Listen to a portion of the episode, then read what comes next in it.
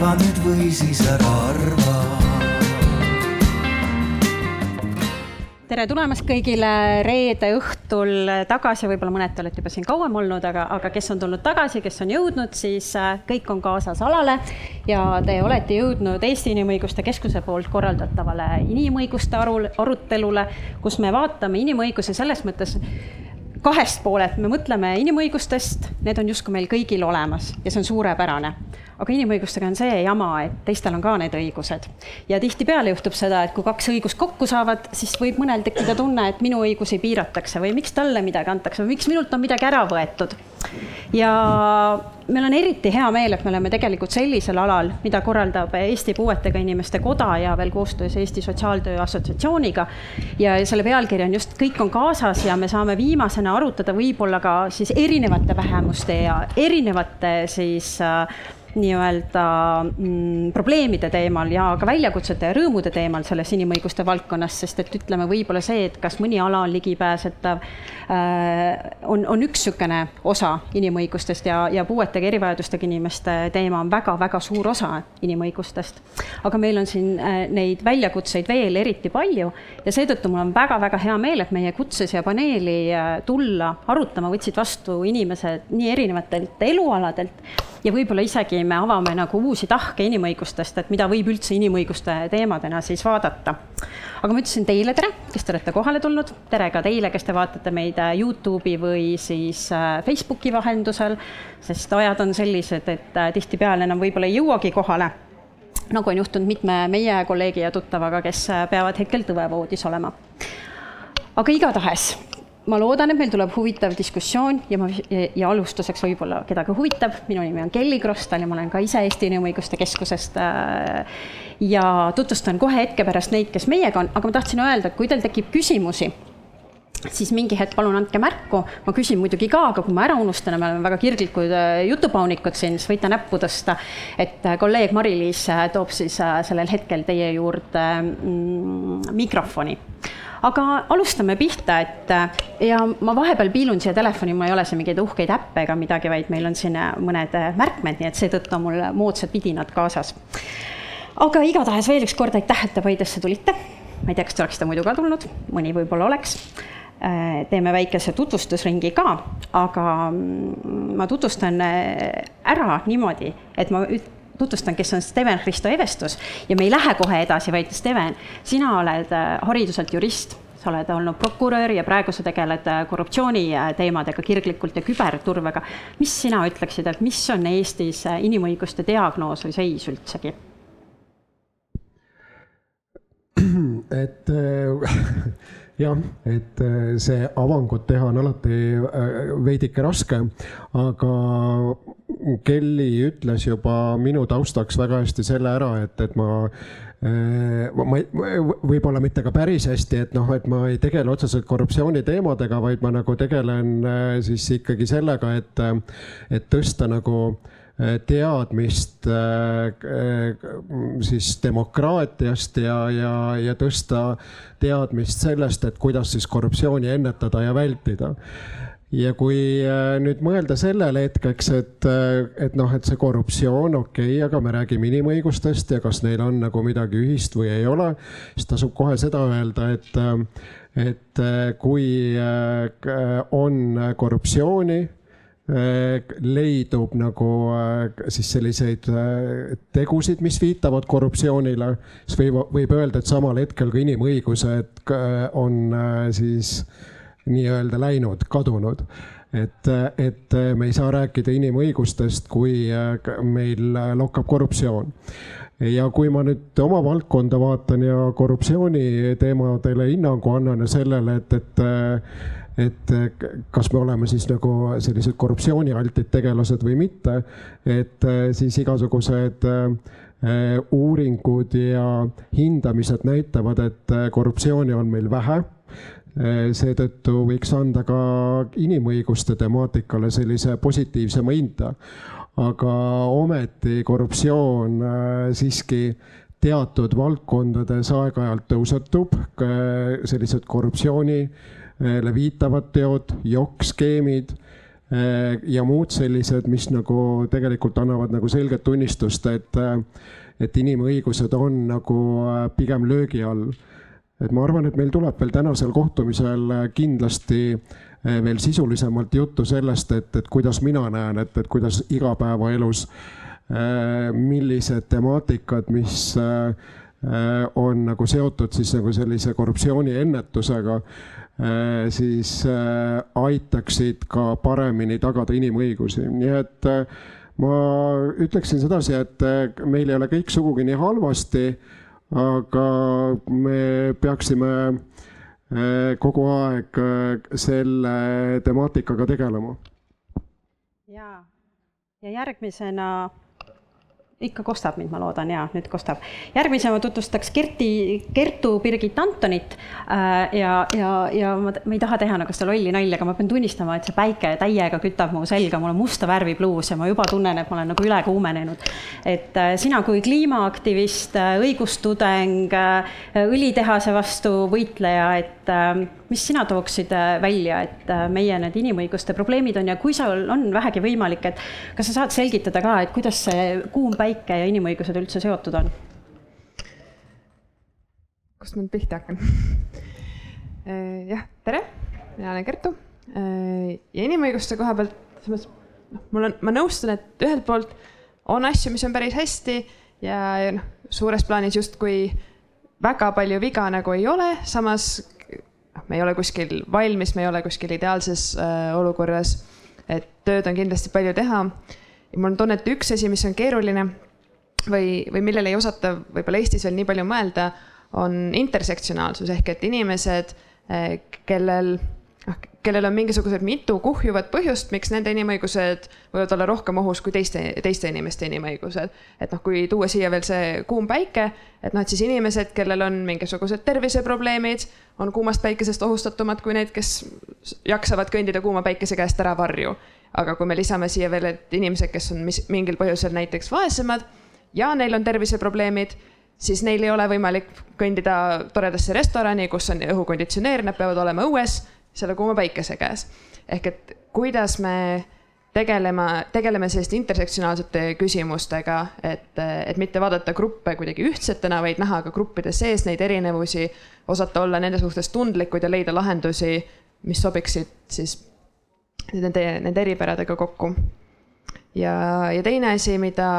minu meelest ka Eestis me seni oleme võtnud hästi enesestmõistetavana, on see, et meil on olemas, me kuidagi võtame enesestmõistetavana, et meil on olemas keskkond, kus me saame realiseerida oma inimõiguseid, kus me saame elada, kus me saame süüa, juua, käia koolis, ennast teostada, omada vara. aga kui see keskkond on juba muutumas meie ümber ja see keskkond on lähiaastakümnetel veel väga kiiresti muutumas, viisidel, mida me ei ole veel inimestena ajaloos kogenud, siis mis siis saab inimõigustest? Kuidas me siis omame asju, kuidas me siis ennast harime, suhtleme, kuidas meil siis on lood tervisekaitsega ja nii edasi. Jaa, sa olid nii hästi, selgitasid ära selle seose, aga kas sa muidu ütleksid võib-olla, kuna sa oled lihtsalt laia silmaringiga noor inimene, et, et kas lisaks selle kliima ja selle suhestumisele on sul mõni inimõiguste teema veel, mis sul kuidagi lisaks intersektsionaalsusele ja kõigele, mida sa nii hästi selgitasid, et, et see diagnoos, võib-olla on sul veel midagi hingel, kui ei ole, siis muidugi liigume edasi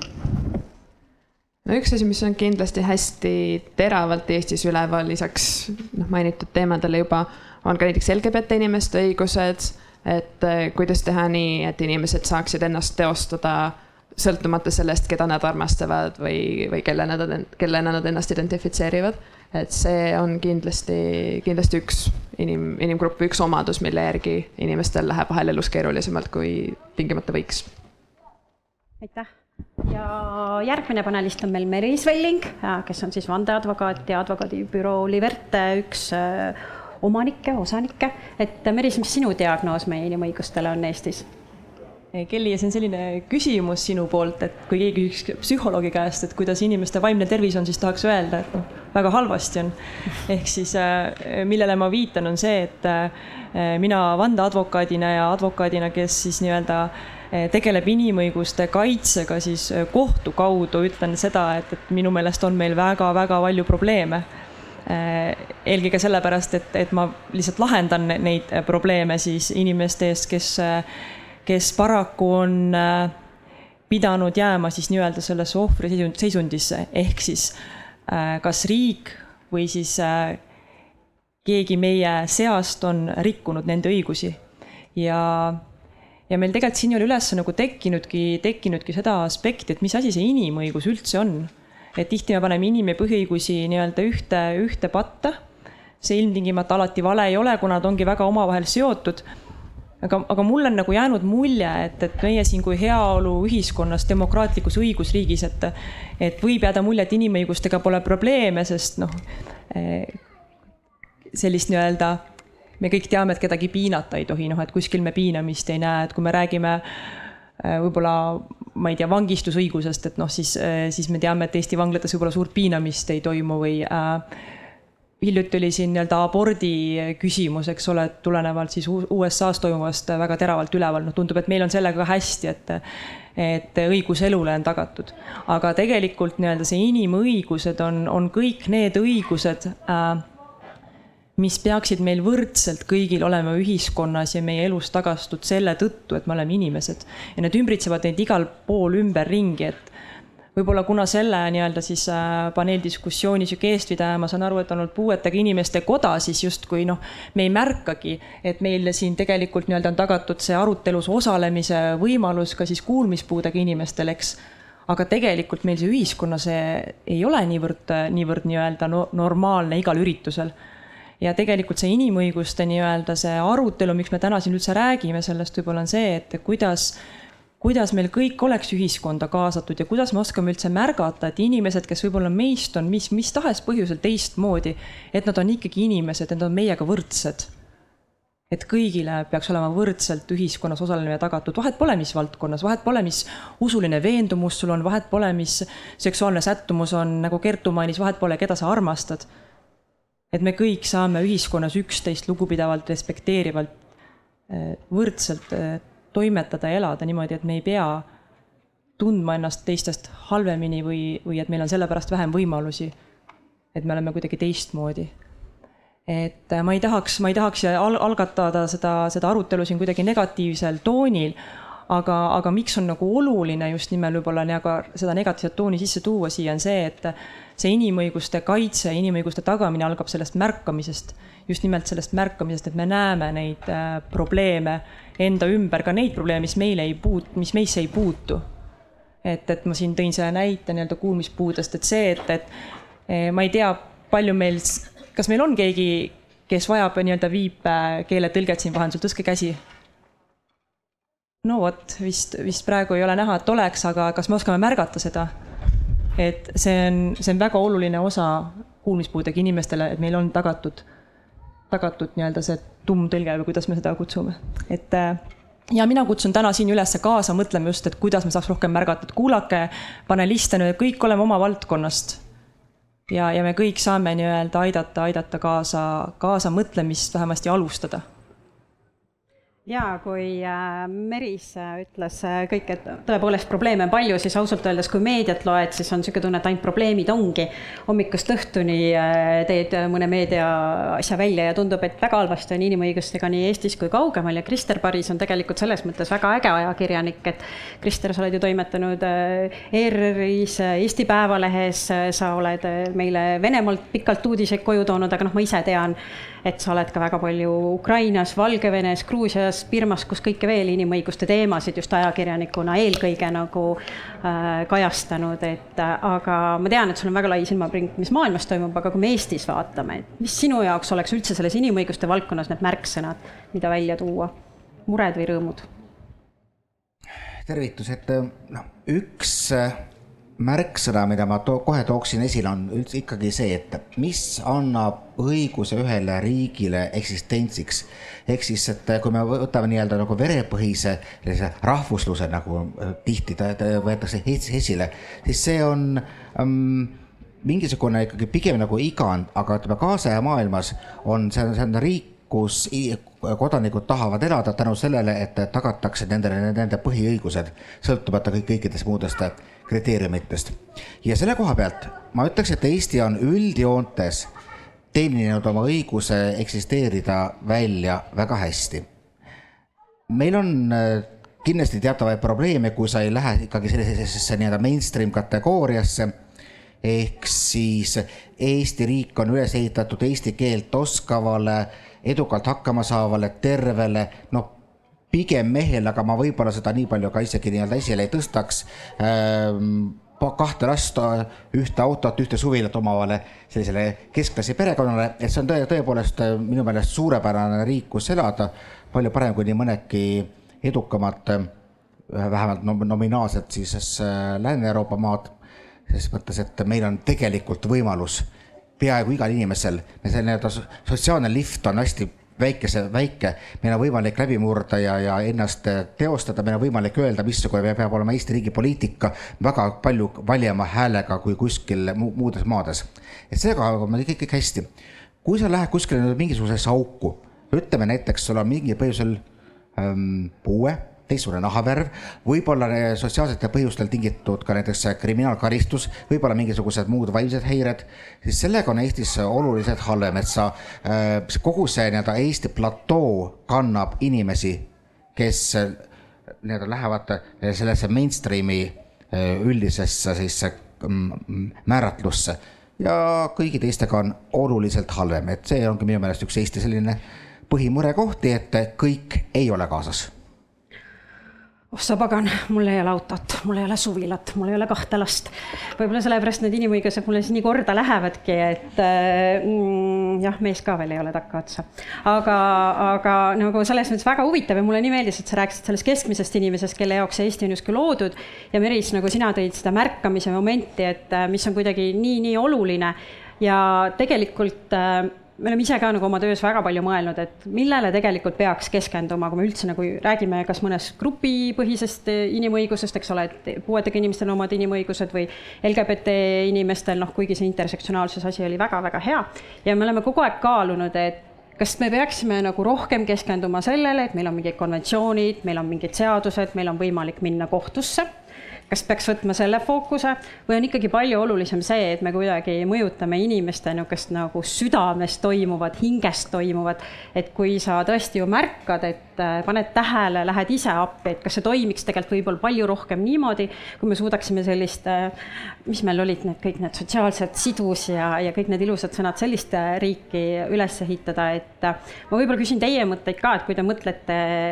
just selle peale, et meil on konventsioonid, meil on seadused, mis ju tegelikult annavad selle inimõiguse õiguste raamistikku juba nagunii ette. selles mõttes ühtegi eriseadust pole ka vaja. võtame põhiseaduse ette, paragrahv kaksteist ütleb, et kõik on seaduses võrdsed, noh, läbi ju, tegelikult on see olemas. ja, ja, ja, ja veel tuhat seadust, eks ole, kasvõi siis äh, lobistide äh, sellisele nagu hea, heale tavali välja. mis teie arvate, kuidas see suhe nagu on, et äh, millega peaks võib-olla tegelema või kumb on nagu olulisem või noh, ma kujutan ette, et loogiline vastus on, et mõlemat on vaja Kelly, kas tohib? jaa, palun. ma alus-. vaba, vaba vastus. ma alustan kohe sellepärast, et äh, mitmeid-mitmeid aastaid tagasi, kui ma läksin õigust õppima, siis äh, kõige lugupeetavam õppejõud äh,, ma isegi võin ta nime öelda, ta oli professor Raul Narits, ütles niiviisi, et äh, õigusnorm peab olema selline, mille sisu me ei pea teadmagi. et õigusnorm peab olema selline, mida me järgime sellepärast, et ta on lihtsalt õige. et see on õige meie südamele ja, ja me ja me ei pea teadma, et karistis, karistusseadustiku järgi on keelatud kellegi tapmine, sellepärast et me lihtsalt ei tapa teineteist, et see on kuidagi normaalsus. et äh, jaa, Kellil on väga õigus, et see nii-öelda see õigusraamistik, noh mis meil on Eestis kehtivad seadusalustes põhiseadusest ja siis, siis on meil, ma ütlen ausalt, ma ei tea, ma ei tea, mitu tuhat seadust meil on, eks ole, ma olen advokaat, et ma ei eeldagi, et meie kuulajad seda kõike teaksid, aga meil on ka rahvusvahelisel tasandil meeletult keeruline süsteem, eks ole, et meil on Euroopa Liit ja siis meil on Euroopa Nõukogu ja, ja siis meil on veel ÜRO ja nad kõik, kõik, kõik annavad hästi palju erinevaid konventsioone ja akte ja hartasid ja mõned on siduvad ja mõned ei ole siduvad ja lõpuks sa oled nagu täiesti kadunud sellesse, et noh, kuidas me neid inimõigusi järgime ja mulle väga meeldis see Kelly püstitatud küsimus, et kumb on siis tähtsam. Äh, et jah, mõneti see vastus ette ära võiks olla küll, et mõlemad on võrdselt tähtsamad. aga ma siis reedan õigusteadust siin ja ütlen, et, et see, mis on meie südames, see, see on tähtsam. et äh, see muutus ja päriselt ka see muutus meie maailmas hakkab ikkagi sellest, kui me oma südames jõuame sellesse kohta, et me respekteerime teineteist täpselt samasuguse inimesena, nagu me ise oleme, sõltumata meie kõikide erinevusest, sõltumata meie nahavärvist, juuste pikkusest, soost, usulisest veendumusest ja nii edasi ja nii edasi. Äh, miks meil neid õigusnorme vaja on? on see, et kui see, kui meil kõigil ei ole nii-öelda see sisemine moraalne väärtus võib-olla kompassis ühe koha peal ja kui see nii-öelda pehme nügimine ka ei aita olla lihtsalt inimlik teise inimesega, et siis meil on vaja nii-öelda neid kirja pandud reegleid. ja hiljem me saame kindlasti rääkida, et, et kui meil need reeglid on kirja pandud ja keegi meie seast neid reegleid ei järgi, et kuidas me siis edasi läheme. et no mina tean kohtuteed. tegelikult neid teesid on veel väga palju, aga jah, see minupoolne vastus oleks küll, et et empaatia kasvatamine ühiskonnas võiks anda kõige suuremaid tulemusi üldse, siis meil neid seadusi polekski vaja. Steven, sa vist äh, andsid märku? ja ma tahaksin äh, ka tuua ühe sellise nüansi siia mängu, et äh, mis mulle on nagu olnud nagu selline oluline südameasi viimase paari aasta jooksul on see, et, et me rääkisime siin märkamisest ja minu jaoks ongi väga oluline see, et et inimõiguste tagamisel on see, et, et inimesed oskaksid enda ümber toimuvat märgata, et neil oleks nagu selline jul-, neid saadaks julgus äh, siis äh, rikkumistest äh, teada anda, ehk siis neid lahendada, ehk, ehk siis mitte lasta siis enda kõrval toimuda asjadel, mis otseselt ei puutu sinusse, aga ometi lased neil sündida. aga need siis... on ju pealekaebajad, pealekaebajad, kas just. sa praegu ässitad inimesi kaebama? ja me kõik mäletame seda pikka äh, arutelu, mis nagu ei saanudki lõppu siin aasta alguses, kus arutati selle üle, et, et sellist ühiskonda, mida mina praegu siin oma sõnavõtuga ihalen, nimetatakse pealekaebamisühiskonnaks et, et loomulikult see nii pole, et, et tegelikult äh, tuleks anda võimalus mitte nagu pealekaebamiseks, vaid nendele inimestele, kes märkavad rikkumisi, kes hakkavad nendes olukordades tegutsema, hakkavad koos siis selle võimaliku ohvriga või see ohver ise hakkab otsima lahendusi, et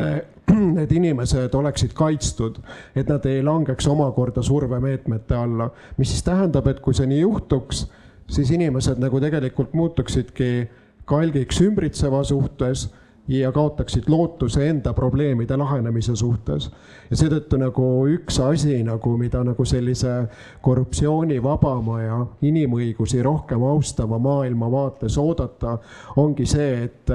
et eh, ka seadustada eh, need kaitsevõimalused inimestele, kes reaalselt eh, siis satuvad rikkumise ohvriteks või tunnistajateks ja kes on nagu piisavalt aktiivsed, et neid, neile lahendust otsida. Ja me oleme Eesti ühiskonnas ju tegelikult põrkunud erinevates valdkondades juba nende teemade otsa, olgu need siis ahistamisjuhtumid või, või muud sellised diskrimineerimisjuhtumid, kus nagu eh, on sellised inimesed avalikult äh, olnud hukka mõistetud. mis siis tähendab seda, et meil on jah, see on nagu üks kindlasti pool inimõiguste kaitsel ja austamisel, et selliseid inimesi tõrjutaks kõrvale. ja alati, kui minnakse inimõigustest mööda või ei üritata neid nagu igal võimalikul viisil tagada, siis kes on need põhikannatanud? põhikannatanud on ikkagi need, kes on ühiskonnas enim diskrimineeritud, kes on äh, äh, vaesed, kes ei saa oma, kellel ei ole lihtsalt majanduslikke võimalusi oma õiguste eest seista ja, ja tegelikult ütleme selline, nagu siin kirjeldati seda ideaalset Eestit et, et nagu, et, et milline, milline on see Eesti, kus nagu tegelikult inimõigustega kõik korras on, siis nagu nende teiste maailm ei küündi iialgi nende võimalusteni, et, et võrdselt võidelda. nii et jäägu siis kõlama, tähendab see üks selline äh, võtmesõna on kindlasti eh, teavitajate kaitse, et, et inimesed julgeksid märgata, julgeksid asjadest, mida nad näevad, avalikult rääkida ja julgeksid otsida ka sellistele probleemidele lahendusi, et ma arvan, et, et see on üks oluline asi. Kelly võib-olla praegu mind hea meelega tahaks süüdistada sellises pealekaebamismaailmale ässitamises, aga, aga ma arvan, me kõik saame aru, millest ma räägin ja ma tahaks öelda, et just vastupidi, et me oleme oma töös ka seda nii palju näinud, et kui inimesed näiteks julgevad kasvõi meie poole pöörduda kirjalikul teel või nad helistavad, eks ole. ja me nagu näeme, et seal on olnud tõesti nagu mingi õiguste rikkumine, diskrimineerimine, mis iganes muu asi, siis et sa jõuaksid sealt edasi, et inimene, tekiks tal ka see julgus, et, et pöörduda võib-olla kas ametniku poole või, või julgustada teda midagi, mingit lahendust leidma, et seda juhtub tegelikult haruharva ja miks ma natukene seda ütlesin, see pealekaebamine kaebamise asja, et minu meelest on küll meediast isegi nagu kuidagi valesti jäänud äh, äh, kõlama see, et justkui inimesed, kes on ebaõiglust äh, no, kogenud nüüd tänapäeval selles uues roiskunud lääne ühiskonnas või mis meil kõik on siin korraga, et nad tahaks seda metsikult teha, et minu kogemuses on vastupidi, et need on nii üksikud inimesed, kes julgevad oma õiguste eest seista, kes julgevad nagu kohtusse minna. ja, ja kui nad isegi kohtusse lähevad, siis näiteks, et meedias oma lugu rääkida, sellest omakorda jääb see nagu see veel vähemaks valim et äh, Krister, sa tahtsid midagi lisada? just nimelt, et nii-öelda roiskuna meedia esindajana ma natukene nagu, nagu räägiks ka enda kogemustest, et ähm, kui näed kuskil, et midagi on nagu valesti, inimesed tahaksid tulla välja mingisuguse teemaga, mis tõesti kõnetab neid, siis päris tihtipeale asi on väga kaugel sellest, et minna kohtusse. inimesed jätavad üldse midagi välja ütlemata sellepärast, et üks koht, kus nad on täiesti kaitseta, on ikkagi asi, millel mul ei ole eesti keeles väga head vastet, selle nimi on heckler's voice. ehk siis see, kui keegi tuleb siia kuskilt, hakkab siin maha karjuma lihtsalt. ehk siis eh, inimesed päriselt jätkuvalt eh, ka pärast kolmekümmet aastat eh, iseseisvust kardavad välja öelda oma mõtte, sellepärast et küll nad pärast selle eest vastu pikk, pikki päid ja jalgu saavad ja lihtsam on olla vait ja võib-olla sa aitad oma enda isiklikku nii-öelda hädalist, aga sa ei taha kuidagi ennast panna niimoodi, et ei tule joonele. Ja kuidas seda näiteks kaitsta seaduste abil, ma ei tea ja ma ei, isegi ei ole kindel, kas see oleks tingimata vajalik, sest et igasugune asi, mis hakkab näiteks kaitsma kedagi kurjade kommentaaride eest olemuselt läheb juba siis vastu sõnavabadusele, et seal on väga palju minu meelest kohti, kus mm, me enda ühiskonnana oleme tegelikult piiranud inimeste julgust tulla välja aga Kertu, Birgit, sina oled nagu nii julge noor inimene, ma ei tea, kui vana sa oled, aga ma kujutan ette, et sa kuskil kahekümnendate alguses ja sa oled äh,. ma veel ei ole kakskümmend no., küll ma varsti saan. ja, aga sa oled käinud reedeti protestimas selle nimel, et äh, meil oleks üldse tulevikku ja et inimesed äh, teadvustaksid kliimaga seotud probleeme. et kuidas sa võib-olla reageerid sellele siin julgusele ja enda õiguste eest seista? Mind hästi, mind hästi kõnetas see, mis sa, Krister, just ütlesid selle kohta, et kuidas inim-, et kuidas teha nii, et inimesed üldse julgeksid tulla välja, julgeksid rääkida oma lugu, julgeksid rääkida sellest, mis on nende arvates oluline. eriti kui see on midagi, mis puudutab väga, väga isiklikult, ongi ahistamisjuhtumeid või, või mingeid väärkohtlemisjuhtumeid, midagi väga-väga hirmsat. et kuidas sa siis tuled välja, noh, mul nagu enda, kui ma mõtlen selle peale, kui ma olen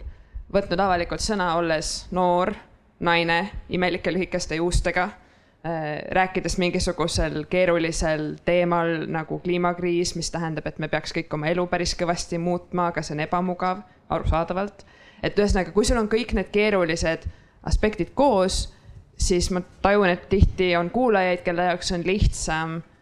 ongi sind maha karjuda, maha materdada, suruda tagasi sinna nurka, kust sa tuled kuskile sinna, kus sind näha ei ole ja küll noh, tee oma asju edasi seal tasakesi, aga ära, ära tule segama seda suurt pilti. et ühesõnaga see jah, see märkamine, et kuidas, kuidas teha nii, et inimesed ju, et inimestel oleks piisavalt turvaline, et nad saaks tulla välja ja rääkida olulistest asjadest. ma ei tea, kuidas seda teha, aga, aga ma mõtlen selle peale igapäevaselt, ilmselt osa sellest ongi see märkamine ja võib-olla ka selline kogukonnasisene üksteise korrale kutsumine, et, et just mitte mitte tingimata mingite seaduste või, või seadusetaoliste asjadega, vaid tõesti see, et kui sa lähed enda sarnase inimese juurde, ütled, et kuule, see, mis sa tegid, ei ole okei okay.. tõmba normiks. ongi et... nagu, nagu üks selline hetk, kus sa näed, kuidas asi tegelikult toimib, on nii-öelda perekonna jõululaud, kus tulevad kokku väga erineva taustaga sugulased ja mis on tulemus? tulemus on vaikimine, lepitakse kokku, et jõululauas me sellest ei räägi ja ma kardan, et see ühiskonnas toimib täpselt samamoodi aga ma võib-olla vahepeal vaatan teie poole, publik, et äh, kui teil ei ole ka isegi, kui on küsimusi tekkinud, see on väga okei okay,, aga võib-olla keegi tahaks oma kogemusi jagada kõikidel nendel teemadel, mida me oleme siin, mida kaua me oleme olnud juba siin kakskümmend üheksa minutit, et äkki on südamel mingi inimõiguste, jaa, palun. Ma just, minu meelest, kuna need sõnavabaduse teemad on meil ju ka seoses vihakõne ja mis iganes asjadega väga palju nagu üleval, siis minu meelest see noh, jälle jälgides sedasama nagu julguse teemat, et ongi see, et noh, et kas õnnelik jõululaud on see, kui siis üks, kes usub, et tema teab maailmas kõike õigesti, et kes tuleb ahju ajada ja kes võiks kodus vaikselt istuda, et kui tema räägib, et siis on nagu sõnavabadus kaitstud. ja siis kõik ülejäänud, kes nagu ei taha tüli üles kiskuda, siis nagu, et kas see on siis sõnavabadus et nagu see, seesama, et kui, kui keegi võtab nagu väga jõulise positsiooni ja temale ei julgeta vastu astuda, siis see on ju nende ülejäänud inimeste sõnavabaduse vastane. et minu meelest seesama, et, et ikkagi kogukonnana, kogukonnas on ju alati nagu käitumist kontrollitud ja kogukonnale mittesobivat käitumist on ju sanktsioneeritud erineval moel. et nagu noh, vangla on ju ainult selle asja edasiarendus, on ju, seadused ja vangla ja see kõik on see, et me oleme selle üles kirjutanud ja meil on paber, noh, nüüd meil on paberkivitahvlite asemel on ju, ja nüüd meil on hoone ja kõik need asjad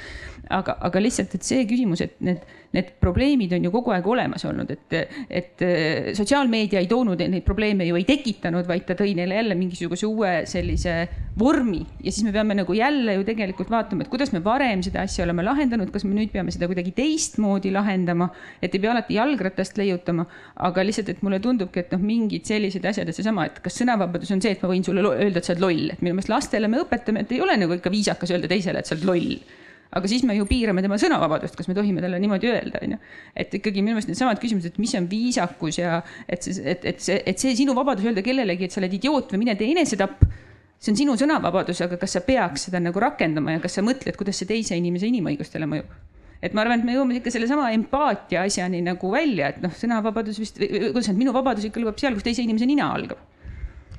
mul on äh, kõikidele mm, nagu algajatele aktivistidele või siis, kes on oma teekonnaga kuskil poole peal või inimõigustega tegelevad või üldse õigustega, väga hea kogemus. viie aastaga läheb kergeks. kui nad alguses hakkavad sõimama ja saadavad neid vaenukommentaare, helistavad, tulevad tänaval õiendama, siis on kohutavalt raske. hirmus on isegi nagu natukene, aga suur nagu sihuke positiivne külg on selles see, et see on kogu aeg täpselt ühesugune. et kui sa oled need esimesed korrad üle elanud, siis peale seda on niisugune tunne, et see plaat lihtsalt ketrab sa ühte sama juttu ja ta nagu muutub nii-öelda kergemaks. oled oled sa nõus minuga? olen küll jah, et äh, kolm aastat edasi ja noh, sa juba vaatad, noh juba naerad nende üle, kes seal, kes seal ilguvad ja saadavad imelikke sõnumeid. aga mis ma tegelikult tahtsin hoopis noh, veel selle ühe perspektiivi tuua, ongi, et ka kasvõi sellesama rääkimise julguse juures tuleb ka intersektsionaalsus hästi oluliselt mängu. et noh, üks asi on minu meelest rääkida siis, kui sa näiteks ütleme tuleb perekonnast või sõpruskonnast, kus sul on olemas tugisüsteem, et sa tead, et kui sa saad vastu päid ja jalgu selle eest, mida sa välja ütled, siis sul on, kelle õlal minna ja nutta ja ennast uuesti koguda. Teine asi on see, kui sul ei ole seda taustsüsteemi, mis iganes põhjustel. Või ongi, et kui sul, et kas sul on raha oma õiguste eest seista või sul ei ole raha, sellepärast et sul on osaline töövõime ja sa ei saa tööl käia. Või et ühesõnaga, et ka see on koht, kus, kus kõik inimesed ei ole sugugi võrdsel positsioonil, isegi kui nad kõik tunduvad meile kõik tunduvad justkui tavalised Eesti inimesed, kellest keegi otseselt ei ole kuulus. ja äh, me tegelikult jõudsime nagu selle asja tuumani väga ilusasti, et äh, meil on äh, meil on küll olemas inimõigusi, mida nii-öelda piirata ei saa, ehk siis nii-öelda need on need nii-öelda inimõigu-, piiramatud inimõigused. ja siis äh, me jõudsime sõnavabaduse teemani, eks ole, selle, selle nurga alt, et äh, kuidas me siis nii-öelda märkame ja tähelepanu juhime, kui, kui sellele võib järgneda mingisugune vastureaktsioon, eks ole. ja, ja nüüd me jõuamegi selleni, et miks meil on vaja siis äh, neid hunnikuid õigusnorme ja miks meil on need äh, konventsioonid, sest et äh, nendesse on siis nii-öelda kirja pandud ühiskondlikud kokkulepped. et kus maalt siis lõpeb minu õigus ja, ja kust maalt algab kellegi teise õigus, eks ole? Et kui me räägime sellest äh, nii-öelda sõnavabadusest, mis meil siin üles kerkis, siis, siis tegelikult sõnavabadus ei ole selles mõttes piiramatu õigus. Et sõnavabaduse kasutamisel me oleme ühiskonnas kokku leppinud, et teatud tingimustes sa peadki olema vait seal jõululauas nii-öelda, sellepärast et, äh, et kui sa midagi ütled, siis see rikub juba kellegi teise õigusi. no siin viimasel ajal äh, viimastel aastatel isegi, eks ole, väga selline populaarne teema, millest vist keegi pole mööda saanud, kes natukene meediat lo loeb, on siis nii-öelda see äh, põrkumine siis nii-öelda teise inimese mainega äh, kutsutakse siis laimamiseks, ehk siis millisel hetkel muutub sinu sõnavabaduse kasutamine laimamiseks? Äh, see on üks näide, millel võib-olla võime hiljem peatuda, eks ole, aga, aga siin on, siin on ka teisi näiteid, millega meil on piiratud, no teiste inimeste õigused. noh, et sa ei tohi oma sõnavabadust niiviisi kasutada, et sa õhutad vaenu. sellepärast me oleme ühiskonna niimoodi kokku leppinud, et me tolereerime teineteist ja me ei ole üksteise peale vaenulikud ja jällegi, eks ole, see peaks tulema tegelikult meil nii-öelda inimeseks olemise sellisest nagu nii-öelda äh, loomulikust mõistvusest, et me tajume teineteise piire, aga meie taju on erinev ja seetõttu siis me hakkame vaatama seadustesse ja, ja paratamatult võib-olla selline nii-öelda eks meil ju ühiskonnas kohtud on ka tekkinud, mida sellepärast keegi tuli, ütles, et, et lihtsalt loome kohtu institutsioonid, vaid need on tekkinudki selle eesmärgiga, et nad tegelikult peaks aitama meil nii-öelda lahendada neid konflikte rahumeelselt. et kui meil on kaks osapoolt, kas meil on kaks nii-öelda siis indiviidi, kaks isikut või meil on inime, inimene või inimeste grupp ja riik. et eh, kui nüüd on tekkinud see konflikt, et, et, et mina arvan, et mina tahan oma õigust kasutada siiamaani, aga kas riik või siis teine inimene ütleb vastu, et ei, et kui sa sellisel viisil käitud ja oma õigusi kasutad, siis sa nagu nii-öelda tungid minu, minu tsooni ja rikud minu õigusi. siis tegelikult nii-öelda see väga vastutusrikas ülesanne lõppastmes on siis kohtutel ja noh, muidugi eks siin tekib niisugune nagu paratamatu probleemistik, et kohtunikud meil on ka inimesed. ja nemad äh, mõistavad äh, kohut küll seaduse alusel ja põhiseaduse alusel, aga tegelikult kohtunikuks saades annavad ühe, ühe nii-öelda vandeosa veel vastavalt oma südametunnistusele. ja vot nüüd see küsimus, et äh, milline on kohtuniku südametunnistus, otsustades siis kust maalt see inimõiguste vahel jooksev piir läheb. vot see on selline huvitav teekond, äh, kus siis mõned aktivistid on valmis ennast äh, läbi tirima, eks ole, et Eestis on meil kolm kohtuastet ja ja tegelikult meil on rahvusvahelisel tasandil veel kohtuastmeid, eks ole, nüüd ongi küsimus selles trukistruktuuris. et äh, ja Kertu mainis ka, eks ole, et kas sul, kas ja kes siis sponsoreerib seda, et keegi siis meie kõigi nimel läheb, vaidleb inimõiguste eest, et Eestis on lihtsalt nii-öelda märk, märk, pahe märkusena, et et üksikisik ei saa minna kohtusse sellepärast, et ta näeb, et meil on inimõigustega ühiskonnas halvasti, et kohtusse saab minna alles siis, kui sel konkreetsel inimesel on juba õigusi rikutud. ehk siis juba midagi on väga halvasti läinud ja siis on nagu tema valik, et tegelikult iga kord, kui, kui siis noh, mina advokaadina kohtus käin inimõigusi kaitsmas, siis tegelikult see mitte kunagi ei ole selle ühe inimese mure. tegelikult see on meie kõigi ühiskonna mure et ja siit aga ma annaks selle järje edasi. ja ma tean, et Krister tahab ka vastata, aga mul on väga oluline küsimus, kuna sa tõid selle kohtute teema sisse, et ja kohtunikest rääkisid, et kohtunikud on kõrgelt haritud, eh, lõpetanud kõik eh, ülikoolid, magistrikraadid, pikad töökogemused. aga kuidas see on võimalik, et kui meil on kolm kohtuastet siis kuidas vahel võib ikkagi juhtuda niimoodi, et õiglus tuleb hoopiski Euroopa Inimõiguste Kohtust, kuidas see on võimalik, mis nad seal Riigikohtus siis teevad või on seal Strasbourgis kuidagi targemad inimesed või?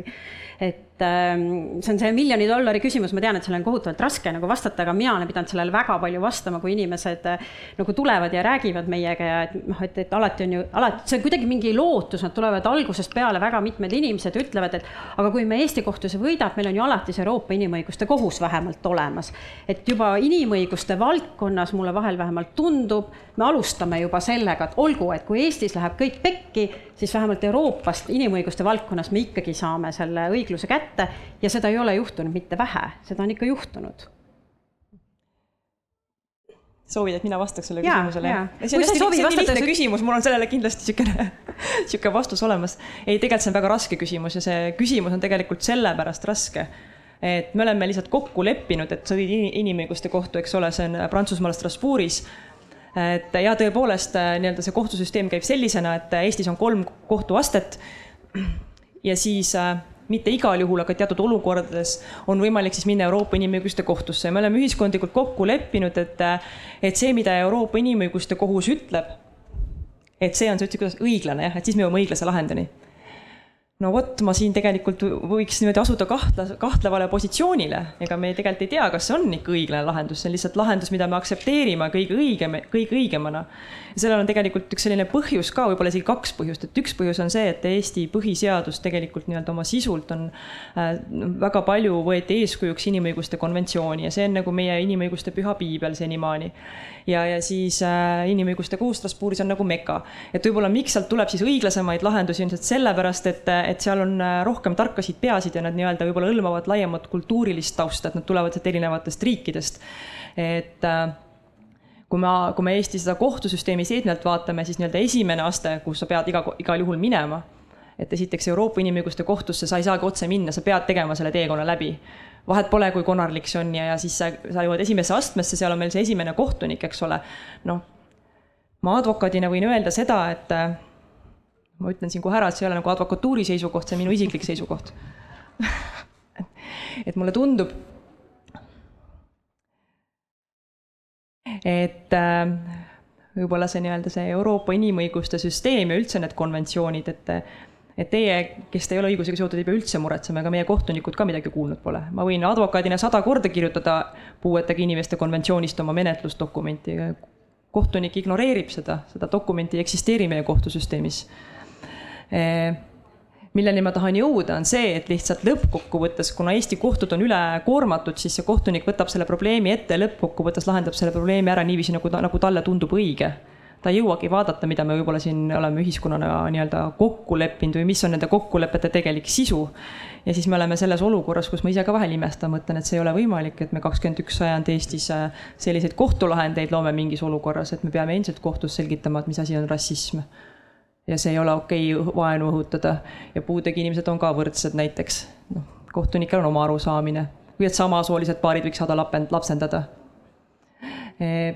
jah, ega siis inimene, inimeseks olemise aspekti ära ei võtta ei saa, noh, siis me jõuame teise astmes, teises astmes üldjuhul on kolm kohtunikku, no see on juba päris hea olukord, eks on ju, vähemasti tekib mingi diskussioon kolme inimese vahel. aga no lõpuks üks otsustab, tema on eesistuja. no mida tema arvab, eks seda me ka ei tea. ja siis me jõuame Riigikohtu tasandile, seal on selles mõttes olukord on päris lootustandev, et seal neid inimesi on äh, lausa kaksteist, alati me täiskogusse ei saa, aga aga no vot, võiks mõelda, need kõige haritumad inimesed seal, seal mitmekesi arutavad, aga et ausalt öeldes noh, ma olen tänulik, et meil on üldse täna publikus siin nii palju neid inimesi, kes äh, huvituvad põhiinimõigustest, sest see on selline nagu selline sõna, nagu ma ütlesin, et meil on kõik hästi, on ju, keegi kedagi ei tapa tänavatel ja eriti ei piinata ka. ma ei taha üldistada, ma ütlen veel kord, see on minu isiklik arvamus, aga ega see inimõigused väga seksikas teema nagu ei ole, eks ole. ja seetõttu võib juhtuda, et mõned inimõiguste teemad lihtsalt ei paku meie riigikohtunikele nii palju huve ja, ja siis need jäävadki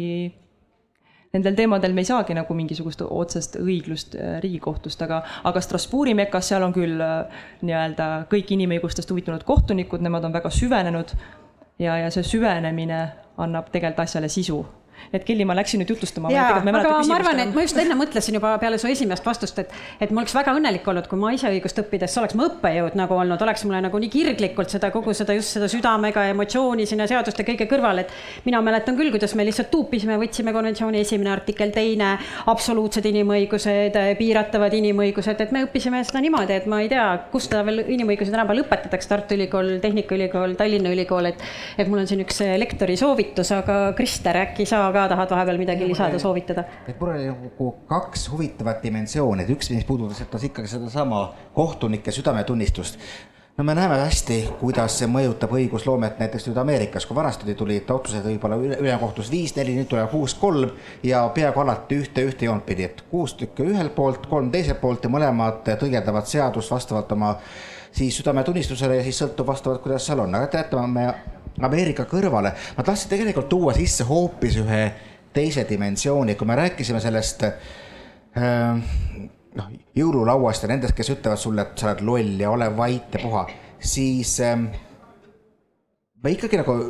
kui mina nagu meedias üritaksin mõista kõiki pooli. Ja üks asi on see, et ütleme, kui mina näiteks töötan äh, ajalehes, ma põhimõtteliselt pean ikkagi mingil määral valdama verbaalset kõnet, ma pean oskama inimesi veenda või siis vähemalt kirjutama nii, et on kõik arusaadav. ja see on minu erioskus. paljudel inimestel seda oskust ei ole, noh, ma näen ka ise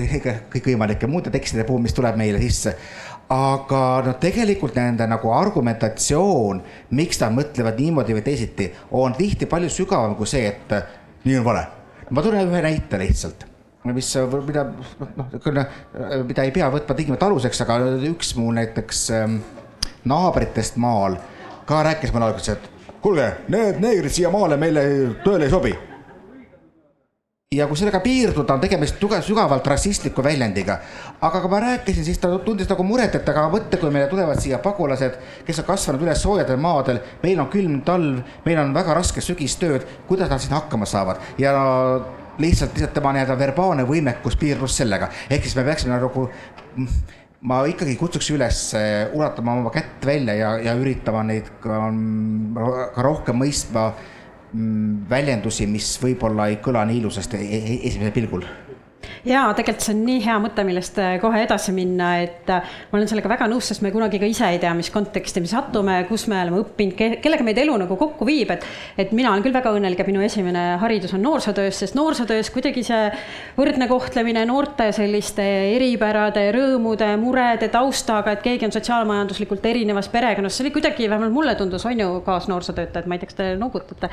on ju, et see oli kuidagi, see on nii loomulik, eks ole, et isegi natuke naljakas, et äh, pärast kui hiljem hakkas see kõik need debatid Eestis rassismist ja homofoobiast ja kõigest pihta, siis ma olin nagu üllatunud, et neid inimesi on nii palju Eestis, sest et meie noorsootöös oleme harjunud sellega, et me aktsepteerime teistsuguseid. aga oleks võinud ju kuidagi hoopis teistmoodi minna, oleks võinud kuskil noorena midagi muud õppida, mingi teistsuguse kogemuse saada, on ju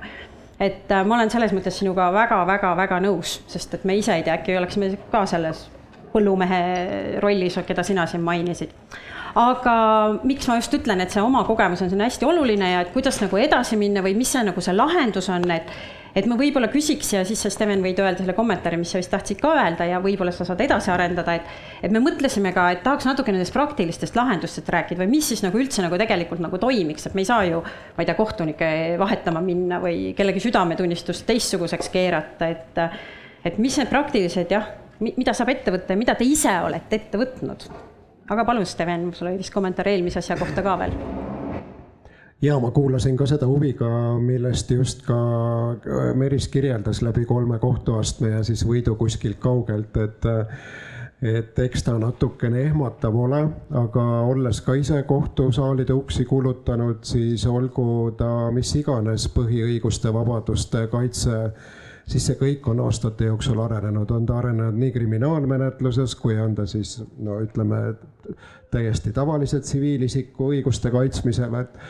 et äh, võib-olla see kohtute temaatika ja, ja selline, see nagu pani natuke mõtlema, sest et kindlasti tuleb kohe öelda, et ka värskelt suvel tulnud äh, õigusriigi aruanne ikkagi annab meile aimu, et eks ole, et meie õigussüsteemiga on selles suhtes kõik korras, et see ei ole ära ostetud korrumpeerunud paik et nagu tihti jääb äh, või tihti võib mõni inimene sõnastada peale oma pettunud lahendit asja selliselt, et ah, et nad on kõik müüdavad ja nad ei teinud seda, mida ma tahtsin. Aga mis puudutab nüüd seda inimõiguste spetsiifilist valdkonda, siis ma arvan, et äh, siin tulevad väga mitmed tegurid mängu, kindlasti on üks äh, asi, mis on maailmavaade, mida ei kõiguta miski ja, ja kohtunik on oma ametis sõltumatu ja, ja, ja ei olegi miskit teha et nagu, mis ma saan aru nagu, millele praegu loodetakse kohtusüsteemis, ma loodan, et see annab ka mingi sellise nagu mingi positiivse lootusekiirega inimõiguste temaatikale. on see, et kohtunikkond on ikkagi nagu uuenemas ja tulevad nagu äh, siis uue, uued nooremad kohtunikud, et juba naerdakse mind välja selle seisukohaga, aga. ma julgen seda välja tuua, et noh vanuseline võrdsus ja nii edasi, aga ma olen nõus teiega, et äh, kahjuks on nii, et inimõiguste temaatika ja mingid asjad, mis on nagu äh, saanud äh, ajas nagu muutunud tähtsamaks. Nad ei ole sama tähtsad inimestele, kes esindavad võib-olla siis äh, varasemat põlvkonda, kindlasti on alati erandeid, aga see kahjuks kohtunike seas on, et ollakse ka kinni nagu oma mingite iganenud arusaamade küljes ja see võib anda tagasilöögi. ja minu meelest nagu üks asi, mida nagu kindlasti teha tasub, aga mida võib-olla ilmselt piisavalt ei tehta või on nagu mingi barjäär, lükake ümber, kui ma eksin, on see, et et vastavad k- siis kodanikeühendused, vabaühendused äh, saavad ju alati nagu selles valdkonnas teha nagu teavitustööd ka nagu kohtunike seas, et nagu tegelikult ei peaks, koht, kohtunikud peavad ennast iga aasta koolitama ja viima asjadega kurssi, järelikult inimõiguste temaatika ei tule siis nendele nende õigete ekspertide ja spetsialistide kaudu, et nad omaks, et nad õpiksid omanda, omandama nagu ka avaramat maailmapilti nagu nendes küsimustes. Et me ei pea minema nagu, nagu valgustatud äh, Euroopa kohtunike poole, kes nagu annaksid meile neid õigeid vastuseid. et seetõttu ma arvan, et, et see on paljuski ka täna, tänasel päeval kohtunike koolitamise teema ja kindlasti ma ei tea, kui palju Meris ja Kelly, te olete kohtunike inimõiguste teemal koolitamas käinud ja programme läbi viinud neile ja oleme lapse õiguste teemal näiteks üks vald, kus on, aga mitte nii palju, kutsunud oleme väga palju. aga kui me nüüd mõtleme ka sinu puhul eriti sellest kohtust nagu veel laiemaks, et, et mida siis teha nagu annab, et võib-olla need inimõigused ikkagi oleks kaitstud ja mis nagu päriselt äh, toimiks, et on sul sellest võib-olla korruptsiooniga seotud valdkonnast või muidu laiemalt ka veel mingeid siukseid mõtteid, et just, et mida me nüüd praktilist saame ära teha, et äh, olukord läheks paremaks, ega me ei jõua siin oodata, kuni meil on kohtunikkond vahetunud või ma ei tea, järsku on kõik, kõik ühe maailmavaatega no ja loomulikult äh, peaksid kohtusse jõudma nagu äh, tõesti nagu vaidlused, mida muul viisil nagu lahendada ei saa ja kus nagu see olukord on nagu nii kriitiliseks läinud, et, et see lahend peab sealt tulema. et ma arvan, et me äh, no minu jaoks nagu oleneb väga palju sellest, milline on riigis ka nagu siis poliitilise eliidi kultuur, et milliseid sõnumeid suunab allapoole poliitiline eliit. et kas need on inimõigusi piiravad või inimõigusi soosivad, inimõiguste kaitset soosivad. ehk seda ja, ja millised on üldse nagu ka tavainimesi, tavainimese inimõiguste eksperdi näiteks poliitikasse sisenemise võimalused, et kas me räägime nagu ütleme sellisest onupoja poliitika pinnal nagu tehtavast nagu poliitikast, kas me räägime sellistest äraostetavusest ja, ja ütleme, varjatud mõjuvõimust mingite poliitikaotsuste kujundamisel, mis mõjutavad siis igaühe õigusi et, et niikaua, kuni meil ei ole nagu selles suhtes nagu selliseid ütleme, poliitilises sfääris nagu kindlasti nagu tugevaid inimõiguste valdkonna, ma ise nagu kogu aeg näen puudust ja puudujääki, defitsiiti korruptsiooni valdkonna eestkõnelejate osas. et kui niikaua, kuni need väärtused on kuskil teisel kohal, et siis ei, siis meil on eeskujude defitsiidi küsimus ja see ei levi ka allapoole, et. et nagu see on kindlasti probleem, et nagu selle muud osa me juba käsitlesime, et, et nagu seda ajada siis nagu seda kodanikuaktiivsuse joont, et, et panna siis, et kui mul nagu see eliit on nagu vilets ja see ikka piisav, ikkagi ei muutu ja ei täida mu ootusi et sii- ja ma ei ole ka ise osutunud valituks või noh, ma ei ole, ole seal ringkonnas, siis see sõltub ka iga üksiku inimese igapäevastest tegemistest, mida me juba siin ka kirjeldasime. Et, et, et neid teemasid juurutada. mingil määral on ka nagu näha kindlasti see, mis annab nagu hea nagu aru või noh, vähemalt minule on andnud veendumuse, et miks need küsimused ei ole hinnatud, et, et, et see suhe kodanikuühenduste ja, ja inimõigusi siis propageerivate ühenduste ja siis poliitilise eliidi vahel on ka suhteliselt nagu selline vilets, et, et see, see diskussioon, debatt, kaasamine, arvestamine, et, et, et see on nagu seal, kus on seda vaja, aga seda pole seal, kus see nagu äh, võiks olla nagu loomulik osa, et, et kindlasti on, on, on selles ka probleem Kertu, Birgit, mida siis, mis on teil toimunud, et oma häält kuuldavaks teha selle viletsa eliidi seas,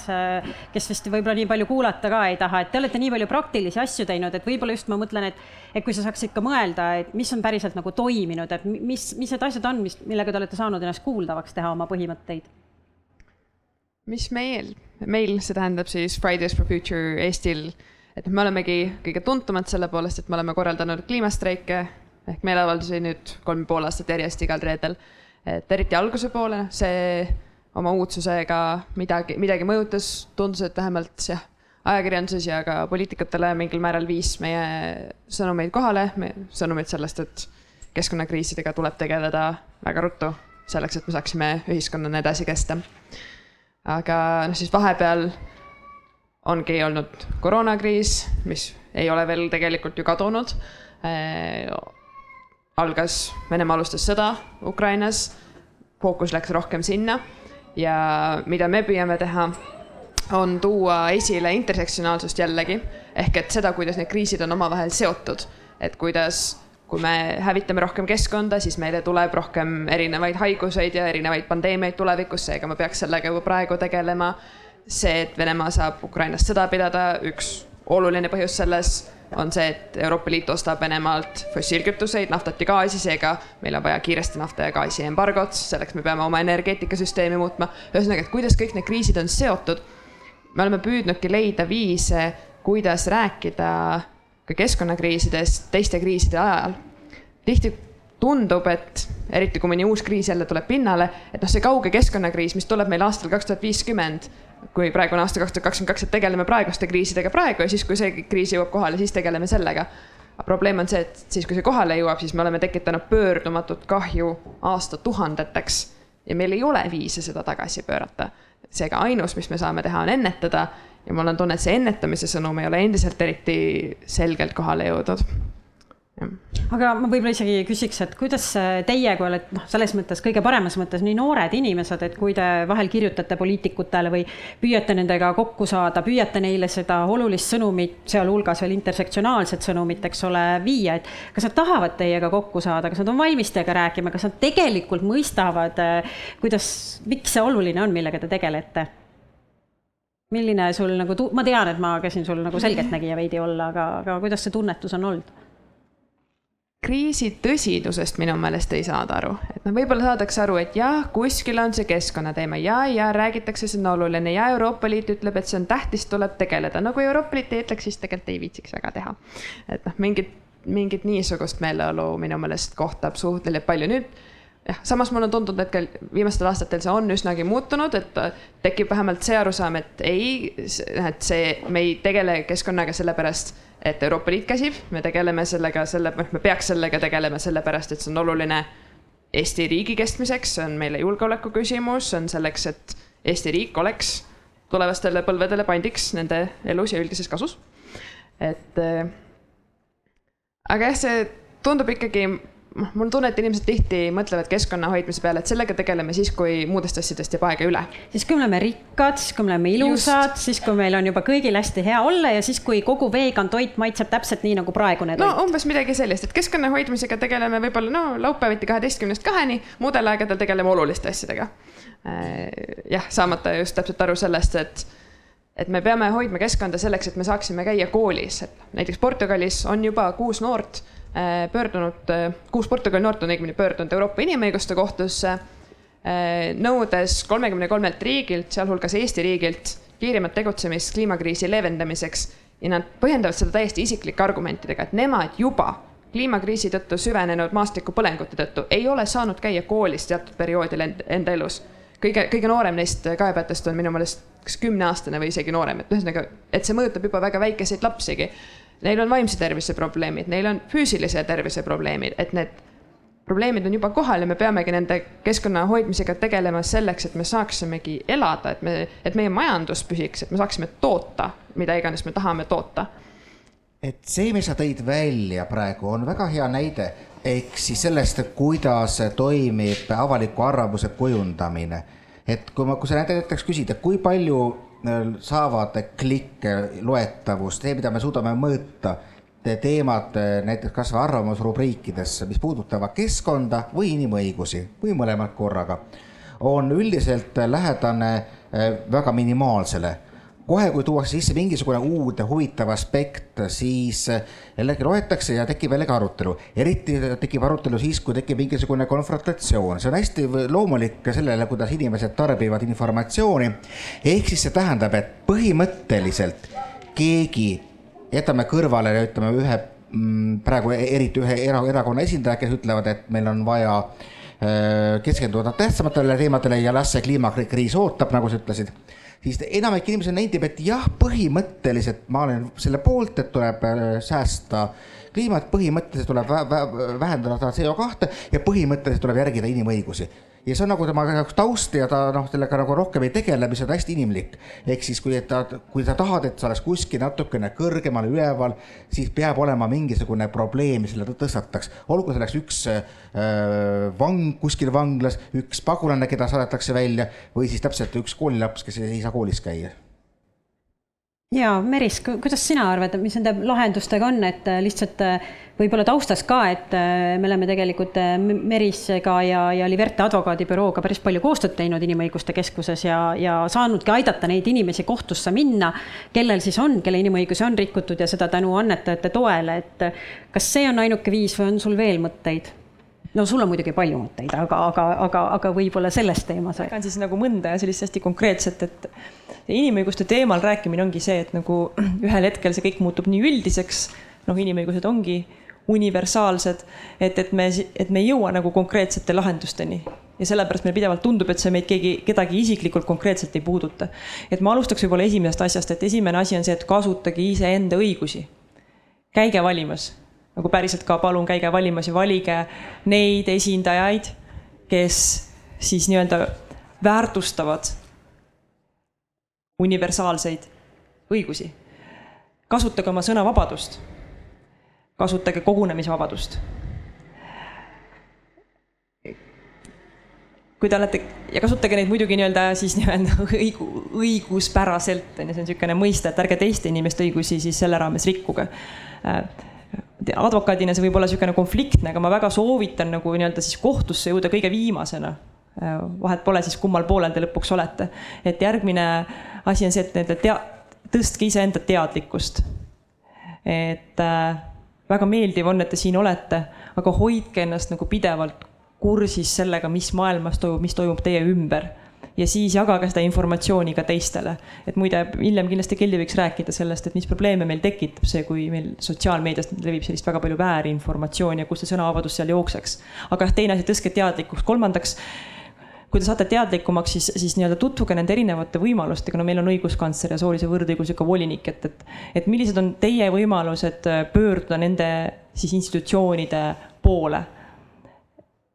siis meil on vabaühendused, ma, mu isiklik arvamus on tegelikult see, et mõneti ju inimõiguste ajaloost tulebki see, et inimõigused äh, nii-öelda siis pandi kirja selle jaoks, et kaitsta inimesi eelkõige tegelikult riigi eest, et mõneti see vabaühendus on, on ma ütleks võib-olla kõige selline nagu üks tugevamaid me-, siukseid nagu nii-öelda tööriistasid ühiskonnas üldse, kelle, kellega koostöös äh, siis aidata inimõigusi kaitsta. et teavitage neid, aga veel enam, vabaühendused, toetage neid, et nemad siis võitlevad nii-öelda teie eest, kui ise enam ei jaksa. ja ärge laske endale liiga teha, et äh, otsige üles need inimesed, kes saavad teid aidata et äh, Kelly mainis ja tõesti, et me advokaadibüroost oli Verte tõesti teeme seda tööd südamega, et me aitame neid inimesi, kelle õigusi on rikutud siis äh, koostöös Inimõiguste äh, Keskusega. aga nagu ma ütlen, see peaks olema see kõige viimane meetod üldse, aga kui see juhtub, siis ärge, ärge jääge vait, et leidke need lahendused, meieni jõudnud väga mitmeid, mitmeid, mitmeid inimesi just sellepärast, et nad on julgenud tulla abi otsima ja kui sa lähed abi otsima, siis üldjuhul seda abi ka saad. et äh, meil on olnud mitmeid puudega puudega inimeste diskrimineerimisi puudutavaid kaasusi ja me oleme tõesti saanud nagu nii-öelda ühiskonnas seda muutust sedakaudu tuua, et noh, meil nagu ma, tahad sa midagi, Krister, vahele öelda? jaa, palun. seesama küsimus, et ikkagi minu meelest, kui mõelda, et mis on Eestis inimõigustega probleem, siis üks suurimaid probleeme on ikkagi varanduslik tsensus õiguse otsimisel, mis on vähemalt tunnetuslik, isegi kui, kui, kui see pole päriselt niimoodi. aga kui mõtleme, mõelda nende peale, kes on nagu inimõiguste koha pealt kõige haavatavamad siis kui ta mõtleb selle peale, et äkki on advokaadi arve ma ei tea, tuhat eurot või kaks tuhat eurot, see on üüratu summa. palju rohkem. Kristel, ma pean vabandama ja ma, ma, ma mõistan seda probleemi. ma ise advokaadina mõistan seda probleemi, et tegelikult see on probleem, et noh, üks õigustest on, on ju õig-, õigus õiglasele kohtupidamisele. aga kuidas sa selle õiglase kohtupidamiseni jõuad, kui sul selle jaoks, et enda õigusi kaitsta või advokaati ja tõesti, Krister, selle kahe tuhande euroga noh, ma, ma siin see, see, see arve on juba täis selle siin rääkimise eest, eks ole, ma ei saa selle eest isegi poolt dokumenti kirjutada kohtule, et need, need kulud on väga suured, aga, aga see on hea, nagu ma olen rõhunud südametunnistusele, et on advokaate, kellel on ka südametunnistus, seetõttu me teeme seda noh, Libertes me inimõigusi kaitseme. Ma loodan, et mul ei ole ülehomme postkast täis, aga me oleme teinud seda nii-öelda kui kellegi probleem on selline, mis mõjutab kogu ühiskonda, siis me seisame kogu ühiskonna eest ja me ei, me tõesti teeme seda, seda nimetatakse pro bonoks, me teeme seda tasuta. aga kuna ka advokaat on inimene, tema nii-öelda tund, tundide arv ööpäevas on piiratud, siis Inimõiguste Keskus nii-öelda kogub annetusi ja nagu ma ütlesin, siis toetage neid, toetage neid annetusi, sest et me ei me teeme seda tööd advokaatina küll osalise tasu eest, aga, aga me teeme seda väga palju oma vabast ajast kõigi nimel sellepärast et ma kaitsen puudega inimese õigusi, ma, mul endal on vedanud, ma olen sündinud suhteliselt tervena, ma kaitsen teise nahavärviga inimese õigusi. mul endal on vedanud, ma olen nii priviligeeritud, ma teengi seda sellepärast, et ma olen priviligeeritud, ma saan sellest aru, et äh, õigustega kaasnevad ka kohustused. ja võimalustega kaasneb kohustus panustada ühiskonda tagasi. Et äh, kui küsida, kuidas kohtusse ja Krista, mul ei ole sulle seda vastust ausalt. ja on... tegelikult aitab ka. küsime üldsegi inimesed, palun, kas teil küsige. on äkki küsimusi või kommentaare, Mari-Liis saad, vaata seal ühel on. aga meil on ülekanne ka, et siis saab ka Võrumaale ja Tallinnasse igale poole hääl kõlama. Öelge palun, millised konkreetsed inimõiguste rikkumised on, ütleme mitte ülikerged rikkumised, on karistatavad kriminaalkorras? Kolm, neli, viis tükki oskate lugeda? no kes soovib vastata? selles mõttes, et äh, ma lootsin, et äkki Steve tahab rääkida sellest rohkem, aga kolm-neli, ma mõtlen, kus kohas ma alustan, tõsiselt leebemaid ja. Äh, no näiteks, kui me rääkisime ennem siin, eks ole, sõnavabaduse kasutamisest, eks ole et äh, kui me selle sõnavabaduse kasutamisega läheme sinnamaani, muidugi Eestis on sellega halvasti, ma tahan lihtsalt kohe öelda, et vaenu õhutamisega Eestis on halvasti, et sa pead seda vaenu ikka niimoodi ohu, õhutama, et sellel tekiks, sellel, sellega kaasneks mingisugune oht siis kas inimese elule või tervisele või varale. E kriminaalkord karistab näiteks äh,, okei okay,, teeme sellise keerulise teema, abordiõigust, te kindlasti kõik olete kuulnud, mis USA-s toimub ma tahan seda öelda, et Eestis päris niimoodi juhtuda ei saa, et meil ei ole sellist pretsedendiõigust, ehk siis meil Eestis ei saa kohus päris seadusest mööda otsustada. et äh, eks ole, meil on õigus elule ja samal ajal on meil siis lubatud näiteks abort, eks ole äh, teatud siis tingimusteni meditsiinilistel, seal on kaksteist nädalat ja pluss nädalat otsa, kui see on nii-öelda siis naisele või, või ohuks elule või midagi taolist, aga ütleme niimoodi siis seadusega mitte lubatud piirides abordi tegemine näiteks on, on kriminaalkorras äh, karistatav. et äh, kas teil on muidu mingisugune konkreetsem huvi ka? ma vaatasin, Steven tahtis. Steven tahab midagi rääkida juurde? ei, ega ma nagu äh, jaa, et eks ma olen ju karistusseadustiku algusest lõpuni ja lõpust alguses mõned aastakümned sirvinud, et eks nagu tegelikult elu ja ja vabaduse ja poliitiliste õiguste teostamise vastased, vastased nagu äh, kuriteod, väärteod on seal ära sätestatud ja nende eest on ka karistused ette nähtud, et need langevad paljuski kokku just nagu põhiliste inimõiguste teostamisega, et, et äh, eks nad teenivad kõik nagu seda hüve, et, et, et need õigus, tähendab, et, et tagavad nende õigushüvede kaitset nii, on vist üks lisaküsimus, kui ma õigesti aru sain, et annan mikrofoni korraks veel. kas ma sain õigesti aru, et kas siis äh, õigus õiglasele kohtumenetluse, selle rikkumine ei olegi kriminaalkorras karistatav ja nüüd ma saan küsimuse täpsusest aru, et äh, kuidas see küsimus, et kas kui rikuta õigust kohtlepidamist, kas ei, see on kriminaalkorras karistatav? kui rikutakse õigust õiglasele kohtumenetlusele mm. -hmm no, see ei ole kuriteo, äh, ütleme kohtunikus, Teeme palun paranda mind, kuna ma ei ole krimiõigus, kriminaalõiguse advokaat, aga kohtunikku saab karistada siis, kui ta on pannud toime kuriteo õigusrikkum-, õiguse mõistmisel. et äh, ütleme see, et õiglane kohtupidamine näiteks hõlmab endas ka seda, et sa saad oma kohtuasja arutatud äh, mõistliku aja jooksul. no see on lai. eks ole, mõistlik aeg, seda, seda. väga lai selles suhtes. jaa, ta on üsna lai, eks ole, aga no ütleme, et äh, inimõiguste kohus on öelnud teinekord, et kuus aastat mingi asja arutamine, see on nagu liiga pikk ja see, sellega ei ole tagatud õiglane kohtupidamine äh, kui küsimus on selles, et kas kohtunikku saab karistada selle eest, et ta näiteks mõnda õigusnormi on valesti kohaldanud, näiteks et ta ei ole osanud inimõiguste konventsiooni lugeda või ei ole osanud seda õigesti, õigesti lugeda, siis selle eest kohtunikku karistada ei saa, et see on nagu nii-öelda kohtuniku, kuna kuidas öeldakse, et kui ruumis on äh, kuus juristi, siis on kaksteist arvamust, eks ole, ja kohtunikku nii-öelda vale otsuse tegemise eest karistada ei saa. veel üks täpsustus, kas siis teadvalt vale kohtuotsuse tegemine ka ei ole karistatav või? ja tea-, nüüd ma võtan siis äh, omakorda üle, et ütlen kohe seda, et äh, et kohtumenetluses, kohtupidamises võib olla hulk äh, toime pandud hulk rikkumisi, kõrgem kohtuaste võib tuvastada, et näed, et äh, varasem kohtunik äh, madalamas kohtuastmes rikkus ühte asja, rikkus teist. ja sellisel juhul, kui need rikkumised on lihtsalt aset leidnud nii-öelda nagu juristi töö osana, siis ei ole võimalik ka, on võimalik need rikkumised tuvastada, need kõrvaldada ja ei ole võimalik kedagi selle eest vastutusele võtta. kui me nüüd aga räägime sellest, et äh, keegi teadvalt, tahtlikult äh, teeb kellegi suhtes äh, siis ebaseadusliku kohtuotsuse, mida on väga raske tõendada et, et, et siis sellisel juhul loomulikult kaasneb kohtunikule selles kriminaalvastutus. aga lihtsalt ma veel rõhutan selle üle, et et see õigus õiglasele kohtupidamisele, et see on väga, et jah, see õigus on olemas, aga see ei too iseenesest, et kui, kui, kui kohtunik rikub mõnda õigust ja see hiljem tuvastatakse, et, et see ei too kaasa kohe nagu seda olukorda, et, et et, et selle eest peaks keegi minema karistust kandma. ma nägin, et seal taga oli ka üks jah nii, et oota. ma nüüd loodan, et äh, ma mingit teemat ei korda, et ma jõudsin ise natuke hiljem. aga väga huvitav paneel ja mõtlesin kohe küsida, et ma olen ise inimõigustega mõelnud just seda, et need on hästi tihti just nende realiseerumine on seotud kodanikuõigustega. et äh, minu küsimus siis oleks võib-olla lühidalt selline, et, äh, et kuivõrd me saame tagada inimõiguse kaitset Eesti riigis näiteks inimestele, kes ei ole Eesti riigi kodanikud või äh, kui me just räägime näiteks ka Ukraina kriisist või immigratsioonist või migrantidest, et kuivõrd me saame nagu tagada ka neile, et ma tean, et Inimõiguste Keskuses on ka see hästi suur teema olnud. et, et kuidas nagu, kuidas selle poolega on, et kui tegu ei ole nagu otseselt kodanikega, et kuidas see kaitse sellisel juhul käib aga kas sul on võib-olla, kui ma tohin nagu äh, uurida, et, et äkki sul oli selle küsimuste taustal mingi reaalne praktiline probleem, sest et kui me hakkaksime vastama, siis me jääksime hästi laialdasele tasemele, sellepärast et vabandust, ma olen moderaator, aga noh, tegelikult ma olen inimõiguste ekspert ka,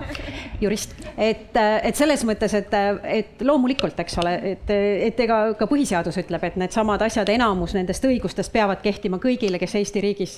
territooriumil viibivad. valimisõiguses tekivad, eks ole, mingisugused äh, erisused erisused, ajateenistuses tekivad eristus, erisused, on ju, aga et äkki sul oli mingi täpsustus või mingi probleem selle taustal? no taust, taust on see, et äh, ma, me just teeme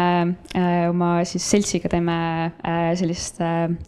lühisaatesarja migratsioonist ja seal meil oli just inimõiguste teemat just salvestasime see nädal ja meil tekkis nagu endal selline hästi suur küsimus, et äh, just nende kodanikuõiguste koha pealt, et, et kuidas see nagu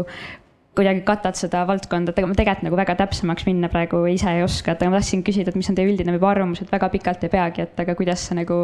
et kuidas me saame siis aidata neid inimesi, et selline, et äh, kahjuks meil maailmakodaniku staatust nagu ei ole olemas, et kuidas nende hallide alade peal see mängimine käib?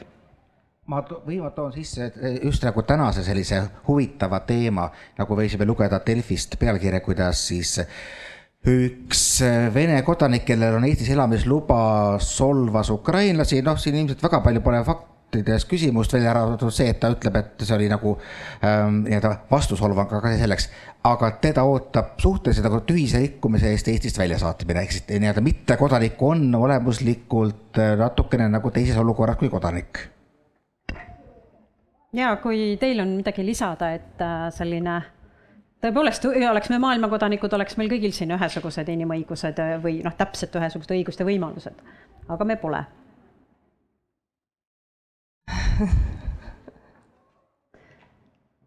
See vahe on Vaat nii pikk, et. jah, selles mõttes, et see on äh, ühest küljest ta peaks olema hästi lihtne vastus, et noh, selle kõikide nende konventsioonide eesmärk ongi see, et me riikide, riigid on omavahel kokku leppinud et äh, need, kes on siis selle kokkuleppe osapooled, need austavad neid seal, sealt, sealt tulenevaid õigusi, mida me siin täna üldistavalt nimetame inimõigusteks, siis sõltumata sellest, kust riigis see, see inimene siis pärib või parajasti, millises riigis ta viibib. lihtsalt küsimus nüüd tekibki sellest, et äh, millise riigi territooriumil keegi parajasti viibib ja kust keegi parajasti tuleb et see on tegelikult, on, on, on mõneti, et Kelly nagu õigesti üritas suunata selle täpsustava, täpsustavale küsimusele, sest nagu Kelly viitas ka ilusasti, on, on mingeid õigusid, mis, mis tulevadki sulle sellest, et sa oled selle konkreetse riigi kodanik. ja siis on, ja neid me kutsume väga tihti ka põhiõigusteks, siis on nagu sellised klassikalised inimõigused, äh, mis kuuluvad sulle sõltumata sellest, kust sa tuled või kus sa oled, aga no ikkagi väikese agaga et nagu me Venemaa puhul teame, siis no Venemaa näiteks oli, eks ole, Euroopa Inimõiguste Konventsiooni liige ja allus Euroopa Inimõiguste Kohtu praktikale ka. ta küll seda väga ei järginud, aga vähemasti ta nagu, nagu formaalselt siis nii-öelda käis sellest süsteemist läbi. ja noh, täna ta enam ei ole see liige. ja eks see muudabki selle inimõiguste teema selles mõttes tegelikult väga tõsiseks, et ja miks me oleme selle nii-öelda südametunnistusele ka mõjunud ja mis on need nagu päris meetodid, ongi see, et et vahel juhtubki juhtubki niiviisi, et see õigusraamistik, mis me oleme enda ümber loonud ja kõik need nii-öelda institutsioonid, mis siis peaks tagama seda õigusraamistikku, tegelikult ei suuda seda tagada. et, et need teemad on ju väga laiemad, et samamoodi on ju küsimus sellest, millest me kõik oleme kuulnud kriminaalkohtust. ja noh, tänane Venemaa president, eks ole, et Steve võib-olla oskab juurde rääkida, aga lühike kokkuvõte oleks sellest, et lihtsalt põhimõtteliselt puudub õiguslik siis hoob teda sinna kohtu ette tegelikult viia. et äh, aga üksikjuhtumite puhul ma ei väsi rõhutamast, et kui kuskil on kellelgi konkreetne probleem, siis kõige vääram asi, mida teha on, on vait jääda. et äh, veel kord, kasvatada teadlikkust ja otsida üles institutsioonid, kes saavad aidata. ja kui keegi teine aidata ei saa, siis advokaadid ja juristid võib-olla aitavad kaasa abi leidmisele. et mul, mul selline vastus ja, ongi. väga, ma arvan, et see oli hea vastus ja kui sul on pärast hiljem või küsimusi, võid äh, julgelt äh, ligi astuda. aga tegelikult meil on niisugune viisteist minutit veel jäänud ja meil on üks teema, mida ma tun-, tunnen ise väga sügavalt, et me võiksime jõuda kõik neljakesi äh, vähemalt lühidalt käsitleda, sest mulle tundub, et inimõiguste üks suurimaid nii-öelda noh, võib-olla, ma ei tea, kas just vaenlase, aga ikkagi nagu vaenlasi või siukseid väljakutseid on tegelikult siis valeinfo levik et võib-olla me korraks vaatame sellele infole ka, infole, ärme infole võib-olla nii väga otsa vaata, aga sellele küsimusele otsa ja mõtleme seda, et teie oma sellest perspektiivist, kus te täna nagu toimetate, on see meedia, on see kliimateema, et ma olen täiesti kindel, et olete ühel või teisel viisil äh, kokku puutunud, ega mina ka ei tea, mis see täpselt Korruptsioonivaba Eesti nagu tegi, aga ma sain aru, midagi nad tegid uue ministriga seal valesti, eks ole. et, et noh, et kas see info, mida kogu aeg mingites teemades väga jõuliselt tegelikult ei teinud, ma tean, aga see on see võib-olla, mis jääb kõlama enam, eks ole, või kliimaga on ka see, et tegelikult äh, Gates maksab või äh, ma ei tea täpselt, äh, kes maksab, eks ole. et võta, maksab, ahah, ja Soros ka maksab, et jaa, et äh, võtame korraks, vaatame otsa, et kas, esiteks võib-olla ma mõtlen, et ma ütleks just seda, et, et kas te näete seda samamoodi kui mina, et kas te näete seda probleemina, sest et me justkui me peame tegelema kliimaprobleemiga, aga me peame tegelema veel valeinfo probleemiga. me peame tegelema sellega, et Eestis ikkagi LGBT kogukonnal pole piisavalt õigusi, aga samal ajal me peame selgitama veel, et pedofiilia ja homoseksuaalsus pole üks ja sama või nii edasi, nii edasi, et, et see on isegi niisugune, kes ta soovib võib-olla alustada täitsa, et kuna ma aktivisti alustamisel ei näe, siis Krister, meedia, väärinfo, kuidas sellega lood on? ütleme niimoodi, et äh, päris palju sellist nii-öelda aktiivset väärinfot äh, kaks tuhat viisteist, kuusteist tabas ka meediat äh, ikkagi üllatusena, ses mõttes, et me olime noh, ikkagi harjunud ähm, uskuma, et inimesed eksivad aga teadlikult ei valeta või valetavad need, kelle puhul on see nii-öelda ettekujutatav, et nad teevad seda. see, et see jõudis kuskile nii sügavalt sisse, noh, see jõudis, jõudis kõikvõimalikesse ühiskondadesse. see tuli ühest küljest üllatusena. Nüüd me juba oleme päris palju saanud targemaks, näinud äh, selle tekkepõhjuseid, tagajärgi, neid tekkemehhanisme, kuidas inimesi manipuleeritakse. no alustame juba sellest, kui me vaatasime näiteks neid küsitlusi, mis nüüd vist, vist oli nädal aega tagasi, kus toodi välja, et Venemaal tehti küsitlused, kuna seal äh, sotsioloogid ei saa enam küsida poliitilisi küsimusi, siis nad küsivad teistel teemadel. et kolmkümmend viis protsenti venemaalastest usub, et päike tiirleb ümber maa ja siis ma vaatasin, ma olen, tuleb kuidagi hästi tuttav ette ja tuli, tuligi, et mingi paar aastat tagasi tuli samasugune küsitlus pealkirjadesse Ameerika Ühendriikides, kus ka umbes kas kakskümmend viis protsenti või kolmkümmend või midagi sellist. ameeriklastest uskus täpselt sama asja, et päike tiirleb ümber maa. ehk see on üks asi, me peame arvestama, et meie ühiskonnad ongi niivõrd erinevad, inimestel on väga erinevad teadmised inimesed äh, usuvadki asju, mis neile, mis kinnitavad nende seniseid arusaamu. ehk siis on asju, mille vastu ei ole mõtet võidelda. ja nüüd on siis küsimus e-, erinevates kommunikatsioonitehnoloogiates, kuidas inimestele läheneda ja me ja mõnede, mõnede inimeste puhul aitab personaalne veenmine, mõnede puhul ei aita üldse veenmine, vaid vastupidi, see tekitab trotsi. ehk siis selle koha pealt oskavad hästi palju rääkida käitumisteadlased. aga olemuslikult me peame aru saama et valeinfo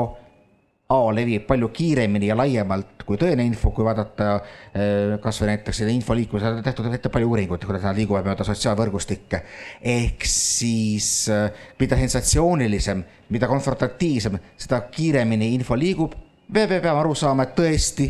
see on mulle arvamustoimetajale väga raske öelda, inimesed loevad pealkirja ja kujundavad selle põhjal oma arvamuse, aga pealkiri peab olema konfrontatiivne, sest muidu üldse ei loetaks seda ja nii edasi, et kui me seda endale teadvustame, siis me saame nagu mõelda edasi, kuidas ühiskonnaga tegeleda. Ja me peame aru saama, et on palju inimesi, kes sellele on mõelnud ja kes on seda kasutanud väga efektiivselt ära enda huvides, rõhudes just nimelt nendele suhteliselt kõige madalamatele tungidele. alustame kasvõi näiteks minu lemmik, vabandust väga, aga on äh, Briti peaminister Boris Johnson. Suurepärane inimene, kes saab väga hästi aru, kuidas ühiskond töötab ja missugustele nuppudele rõhuda, et ükskõik, mis suust välja ajad, You will talk it over. nii, võib-olla Meris, sina siis, lähme siis edasi. kuidas sul on selle valeinfoga? mitte, no ma usun, usu. sul on hästi ei, ma ei usu valeinfot e no me jõuame tagasi sellele õiguste konfliktini tegelikult, eks. et äh, noh, informatsiooni levitamine, see õigus on meil kõigil teatud maalt ma ütleks, et see valeinformatsioon, noh, seda saab kohtu ette tuua, me jõudsime sinnamaani, et kui sa näiteks levitad valeinformatsiooni teise isiku, inimese kohta, siis see on laimamine, selle, seda õigust saab nagu kaitsta. kui levitatakse valeinformatsiooni, no see valeinformatsioon, mis sai meil hästi selles mõttes äh, problemaatiliseks siin pandeemia olukorras, kus keegi enam ei teadnud, mis piirangud on, keegi ei teadnud enam, äh, mis, äh, mida tuleks hakata peale vaktsineerimisega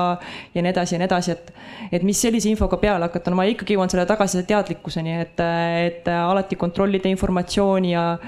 ja eriti nii-öelda julgustada siis enda ümber olevaid inimesi kriitilisele mõtlemisele. et ega mul ei olegi siin rohkemat öelda, kui kriitiline mõtlemine ja teadlikkus ja õnneks on, on ju see ka, et eks see, seondub selle nii-öelda meediavabadusega, et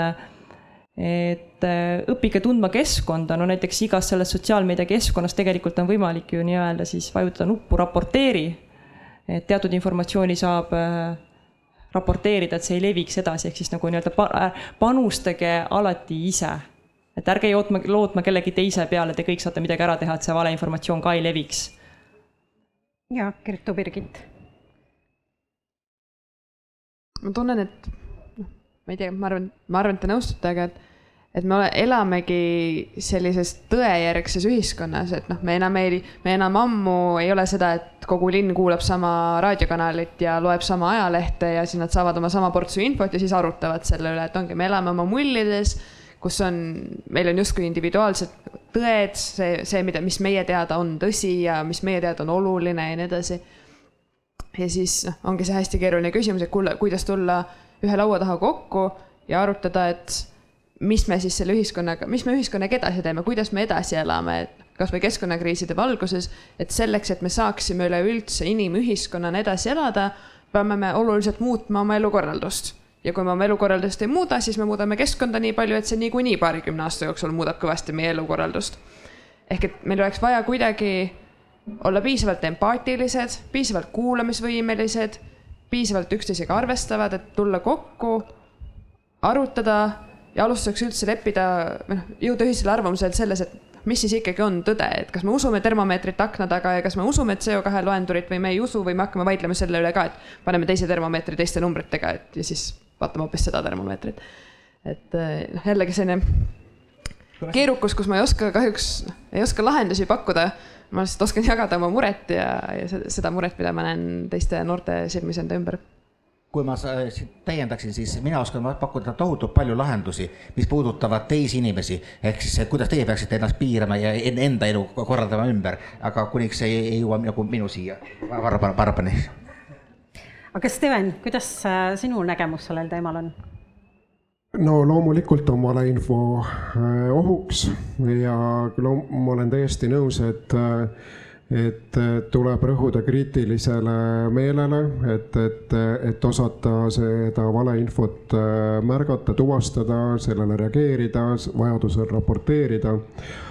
Aga ma arvan, et äh, noh, ütleme ekspertide maailmas, et kes oma valdkonnaga kitsalt tegelevad, on loomulikult alati mina vähemalt arvan nii, kohustus reageerida sellele, lükata ümber nagu need äh, väited nii palju, kui see võimalik on, sest kindlasti Eh, kindlasti võetakse kuulda, mida ta mõnikord tähendab, eks ole, tähendab ta selliste populistlike arvamustega võidujooksu. Aga, aga ma arvan, et noh, sellel on oma tähtis kaal ja loomulikult nagu saab, kui nagu mingi asi satub löögi alla, on see mingi konkreetne inimõiguste temaatika, korruptsiooniennetuse temaatika hirmutatakse näiteks kasvõi sellega, millega me alustasime, et, et kohe-kohe on tekkimas pealekaebamisühiskond või midagi sellist ja kirjutatakse sellest hirmulugusid, et noh, siis lihtsalt tuleb teha omalt poolt vastu seda teavitustööd ja ikkagi äh, proovida, proovida ka leida endale võimalikult laia sihtrühma, nii et, et aga, aga lõpuks jah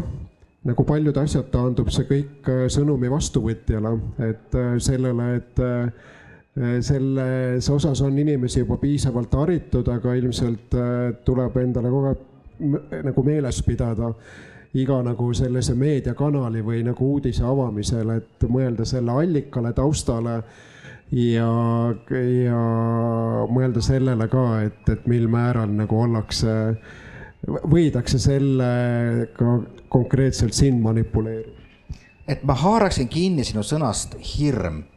Ehk siis hästi paljud ka uuringud ju näitavad seda, et sõltumata faktoloogilisest täpsusest, see ei mõjuta eriti inimesi, kes tahavad uskuda teistsuguseid fakte, et inimesed töötavad, inimühiskond töötab hästi paljuski emotsioonide peal. Ja selle koha pealt on need, kes teadlikult emotsioonidega manipuleerivad, meist alati kaks sammu ees mis tähendab seda, et mind kuidagimoodi peavad jõudma ka need, kes tahavad nii-öelda siis teaduspõhist maailma või sellist nagu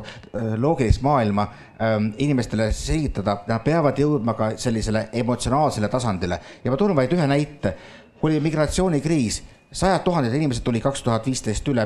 üle Vahemere, tuhanded hukkusid ja üks poiss, üks kolmeaastane poiss, ühe, ühe poisi pilt pani maailma vaatama, ah appi, mis seal sünnib. ehk siis paratamatult need asjad töötavad ja see on asi, millega, mida me peame teadvustama ja kuidagi sellega vot tegelema, ehk siis puhas teaduslikkus, puhas faktipõhisus ei ole see, mis aitab meid edasi. mul veel lisaks ka selle mõtte, et noh, kuna ma olen meist kõigist viiest kõige hiljutisemana käinud põhikoolis ja noh, lihtsalt mõeldes selle peale, et mida meile, et noh, gümnaasiumis meil ei räägitud minu meelest eriti infoteadlikkusest, aga, aga noh, mul on põhikoolist kuidagi meeles see,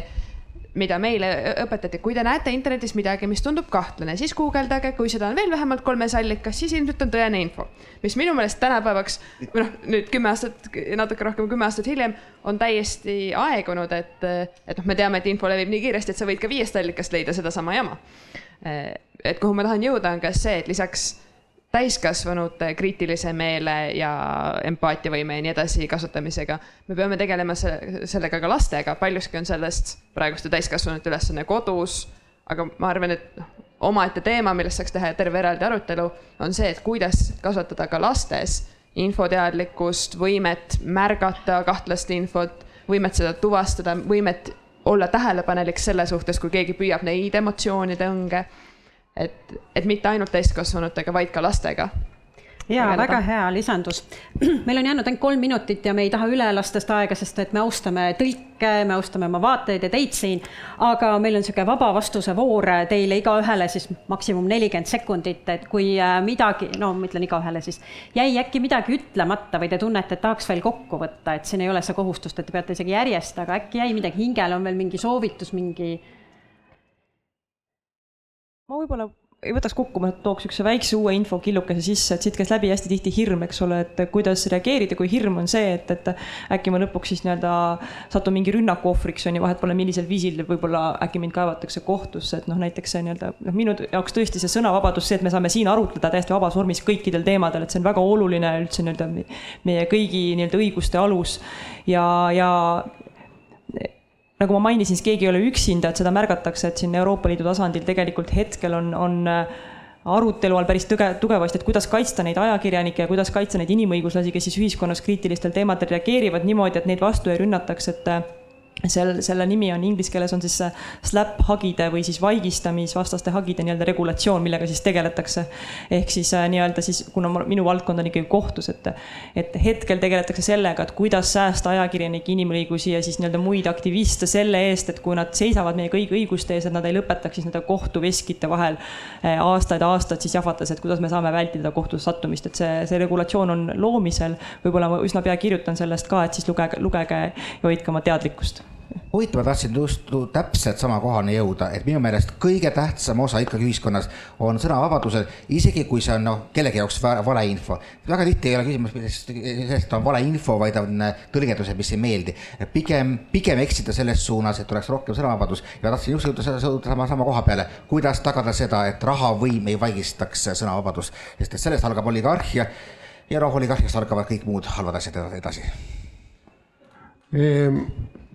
mulle, noh, ma võtaksin kokku sellega, et olid siin mõned sõnad, et märka, ole aktiivne ja nii edasi, et äh, ma nagu taandaksin kõik selle sellele, et äh, et kui me räägime inimõiguste kaitsest ja, ja, ja märkamisest ja, ja lahendustest, siis äh, võiks selle kokku võtta nõnda, et öelda, et kõik algab minust endast. Et nagu kui ja,